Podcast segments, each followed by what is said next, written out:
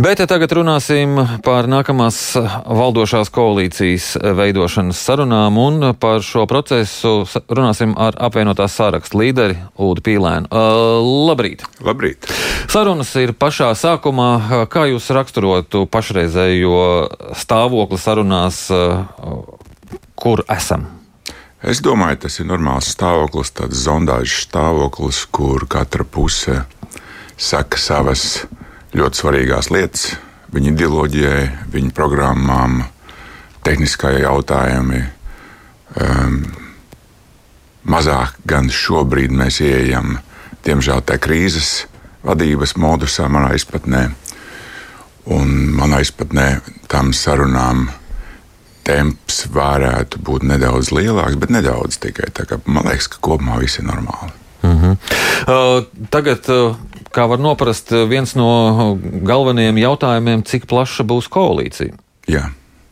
Tas nav uh, tāds jautājums, manuprāt, kas mums vieš šaubas kopā ar Nacionālo apvienību, jo, jo ja, tas, ja tas koalīcijas kodols būtu jaunā vienotība ar savu balsu skaitu plus apvienotais saraksts plus Nacionālā apvienība, tad mums jau sanāk 54 balss, tad rīcības spējīga koalīcija. Un ar to varētu sākt. Nu, šobrīd tā taktiskā atšķirība ir, ka jaunā vienotība visai, eh, visai intensīvi labprāt vēlētos redzēt tur progresīvos. Savukārt ne mums, ne arī, kā es sapratu, Nacionālajai apvienībai tas liekas druskuļi pārāk liels ideoloģisks mikslis, un nekur tā pieredze Eiropā nav beigusies ārkārtīgi pozitīvi. Ja, ja, ja tā teikt, vienā traukā samiksēt tomēr tik dažādu ideoloģisku uzstādījumu um, spēkus. Un tie argumenti, ko, protams, jaunā vienotība saka par tehniskiem argumentiem, teiksim, ka ir vieglāk komisijās un tam līdzīgi, protams, ka tas ir tehniski argumenti, bet vēlētājs ir iedevis mandāts tieši tādas, kādas viņas ir. Un es nedomāju, ka mūsu vēlētājs pēkšņi paliktu. Uh, nu, teiksim, tādā absolūtā simpat, sim, simpatizācijā progresīvo spēku idejām. Un es pieļauju, ka tas ir tas, kas šobrīd mums ir līdz galam jānoskaidro, vai tiešām tāda nepieciešamība ir. Un man tas jautājums bija arī koalīcijas sarunām. Es patiešām domāju, ka progresīvie, atrodoties opozīcijā vai kādā citā formātā, sāktu lemt pretvalstiski. Jā. Bet pēc iepriekšējās saimnes vēlēšanām līdzšanējā valdība jau arī sāka ar īstu miksli un noturējās redz visu, visu termiņu. Šeit runa tiešām ir par ideoloģijām, vai tomēr te ir vienkārši bloķēšanās starp jūs bloķējaties ar Nacionālo apvienību Nē, nu, nu, tā... labs jautājums, godīgi sakot. Tad paskatīsimies, kas no šī lēmuma izveidot miksli ir galbējās sanācis un kā vēlētājs to ir novērtējis. Tas nozīmē, ka diskvalificēts ir divas partijas, kuras bija vistuvāk jaunai vienotībai. Šī gadījumā, protams, ideoloģiska attīstība par, tā kā bija liberālāka Savukārt konservatīvie tajā brīdī, kad viņi mainīja savu nostādni, protams, tas nav vienīgais jautājums. Arī to, ko es uzsvēru, konservatīvajiem vadības potenciāls bija, nozara potenciāls, vadības potenciāls bija eh, relatīvi vājš, manuprāt, bet tieši viņu pozīcijas maiņa pēkšņi, um, nu, nosacīt sakot, atstājot savu konservatīvo vēlētāju tādā kā neziņā par pieņemtiem lēmumiem viņas noveda īstenībā ārpus šiem pieciem procentiem. Un tā ir tēma, ko es arī norādīju jaunai vienotībai. Nu, tas var būt jaunai vienotībai, kā liberālam, jeb centriski liberālam spēkam, liktos, ka kā ideoloģiskais smaguma centrs jāpavirza ir vairāk kreisā virzienā, bet mūsuprāt, tas konservatīvais centrs, ja tā var teikt, un Nacionālais konservatīvs Nacionālās apvienības izpratnē ir tas, kas ir ļoti stabilizējoša lieta. Mm. Un mēs jau negribam būt tikai viendienīši. Tas nozīmē tikai uz četriem gadiem atnākuši. Un tieši šī iepriekšējā 13. saimas pieredze, kas notiek ar partijām vai to apvienībām, ja viņas sāk ideoloģiski mētāties, ir, protams, viņa ir negatīva pieredze tām partijām, kas sāk mētāties. Mm -hmm. Bet, ja notiek šī bloķēšanās, jūs ar Nacionālo apvienību šur tur jaunā vienotība ar progresīvajiem, tur atkal matemātika sanāk, ka jūs tā kā paliekat tādā iekšējā opozīcijā. Kā to saprast matemātiski, tā līdz galam neuztvēru. Jo, nu, balsu skaita ziņā. Pie kuras konstrukcijas? Jaunā vienotība ar progresīviem sanāk vairāk balss nekā. Es domāju, ja izveido no četrām Jā. partijām, Jā. no četrām apvienībām, nu, tas jau ir tas, ko mēs sakām. Tas nozīmē, ka viss koalīcijas darbs aiziet stingri tālāk pa kreisi, nekā mm. tas ir mūsu uzstādījumos. Ja. Mm. Bet tad galvenās iebildes pret progresīvajiem, kur tad ir? Nu, viņas ir pietiekami daudz. Sāksim ar tām vienkāršākajām, ko var noskaidrot. Teiksim, nu, pirmkārt, Nu, protams, progresīvi ir relatīvi jauns spēks, bet nu, jau tomēr ar pieredzi Rīgas domē, ko mēs redzam, kura nebūtu tikai pozitīva. Tā ir viena lieta. Savukārt jā, jārunā arī par pozitīvām lietām. Mēs, teiksim, tādi, tur ir akadēmiski gudri cilvēki, kā Briškana kungs un Sprūdu kungs, un es pieļauju arī šo vāju kungs. Un, Un, un, un, un tur nav problēmas. Bet, eh, nu, protams, visi šie cilvēki savu līdzšinējo biogrāfiju ir būvējuši tādā veidā, ka viņi ir bijuši tajā nodarbinātības ziņā. Viņi ir nu, vai nu, no, no valsts budžeta atkarīgi, vai kā citādi. Ja to kombinē ar vēl dabā nepārbaudītu stresa noturības elementu tādu, nu, tad sanāk, ka diezgan daudz nezināmie ir, jo tuvojās tiešām krīzes situācija, kura prasa gan stresa notarbību, gan reakcijas ātrumu,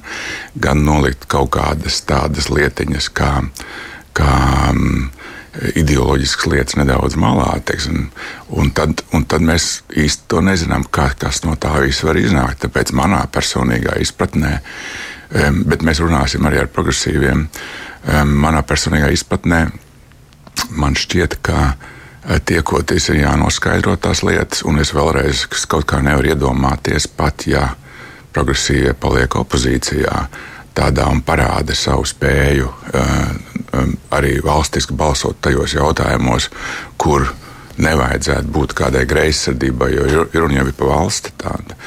Un tāpat laikā mēs nemiksējam šīs ideoloģijas. Tā ir iespēja arī parādīt tajos jautājumos, kur progresīviem, kā kreisiem politiķiem ir nepieciešams savu stāju paust, kas ir normāla parlamentārā praksa visā Eiropā, ar simtgadīgu mhm. pieredzi. Tur it kā nav jautājumu.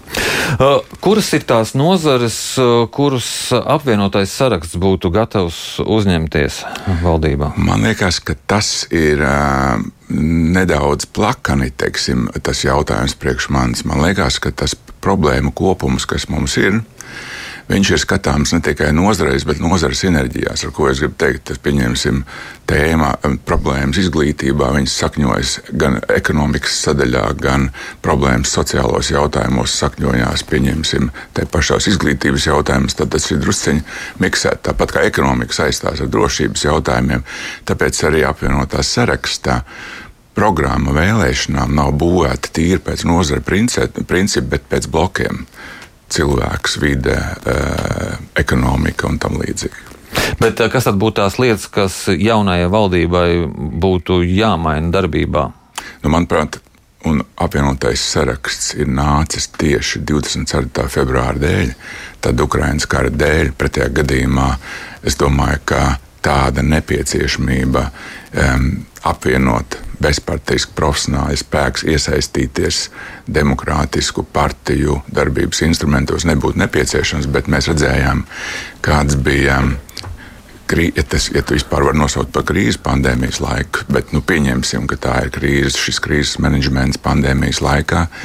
Viņš bija bieži vien ar neizprotamiem lēmumiem, bieži vien ar gala lēmumu deleģēšanu kādam šauram profesionāļu lokam, šī gadījumā epidemiologiem, bieži vien ar, ar, ar, ar, ar nepārdomātām blaknēm, kas attiecās gan uz e-, ekonomiku, gan uz cilvēku psihi, gan uz nu, teiksim, to skolas slēgšanas apjomu eh, un laiku un tam līdzīgi. Tās lietas ir tādas, kuras pēc tam rada vidējā termiņā relatīvi liels blaknes. Uh mhm. -huh. Mēs tādā veidā esam iegājuši. Tas nozīmē, ka um, šobrīd krīzes vadības mod, eh, modus, jeb režīms, mm. ir tā lieta, ko mēs tiekoties ar partneriem. Šī gadījumā jau ir jauno vienotību. Jau. Es esmu teicis, labprāt pastāstīšu par šādām lietām, kā tas notiek. Jā. Uh, apvienotais saraksts jūs pozicionēja kā premjera amata kandidātu, bet vai par ministru jūs arī gatavsiet strādāt? Ja, ja tas par jums pa plakanu, jūs varbūt par prezidentu būtu gatavs kandidēt? Es domāju, ka, nu, ja tā skatās, teiksim, tad man arī, man arī uzņēmē darbībā kabinets nav jau desmit gadus, kā, un es tajā vecuma grupā, kad tas ego neplosās. Man tie, man tie ad, amati ir diezgan otršķirīgi. Teiksim. Man liekas, ka šobrīd arī šajā stadijā, kur mēs atrodamies koalīcijas sarunās, runāt par amatiem ir stingri pārāk. Stingri mm. pārāk. Tā kā mm. es tur to akcentu neliktu uz tām lietām. Jā, diemžēl par apvienoto sarakstu izskan arī prognozes, ka būs labi, ja viņš saimā noturēsies kopā līdz Ziemassvētkiem. Kā jūs nesot saimā no ārpus, es, esat plānojis to visu saturēt kopā, to, to, to Jā, nu, man ir jautājums, no, pretjautājums šajā gadījumā, no kurienes tā izskan šāda prognoze līdz decembrim? Nu, ir dažādi vērtēji eksperti prognozes, nu, un tādas arī parādās par to, ka tās ir sanākušas vecas partijas kopā, Jā, nu, daži cilvēki no malas, un tas ir tāds arī neviendabīgs veidojums. Nu, ja es tā paskatītos līdzīgā veidā un paskatītos, ko tā saucamie eksperti, kas pārzina politiskos procesus, teica par apvienotās sarakstu iekļūšanu saimā, nu, tad tur ir diezgan. Nu, tam jūs diezgan... spējāt mobilizēties, bet vai tālākam, smagākam procesam jūs spēsiet mobilizēt? Nē, es, drīzāk, es drīzāk domāju, ka šeit ir jārunā par šīs ekspertīzes kvalitāti un teiksim, nākotnes paredzējumiem. Jo redz, es pateikšu arī teiksim, tā saturisko pusi.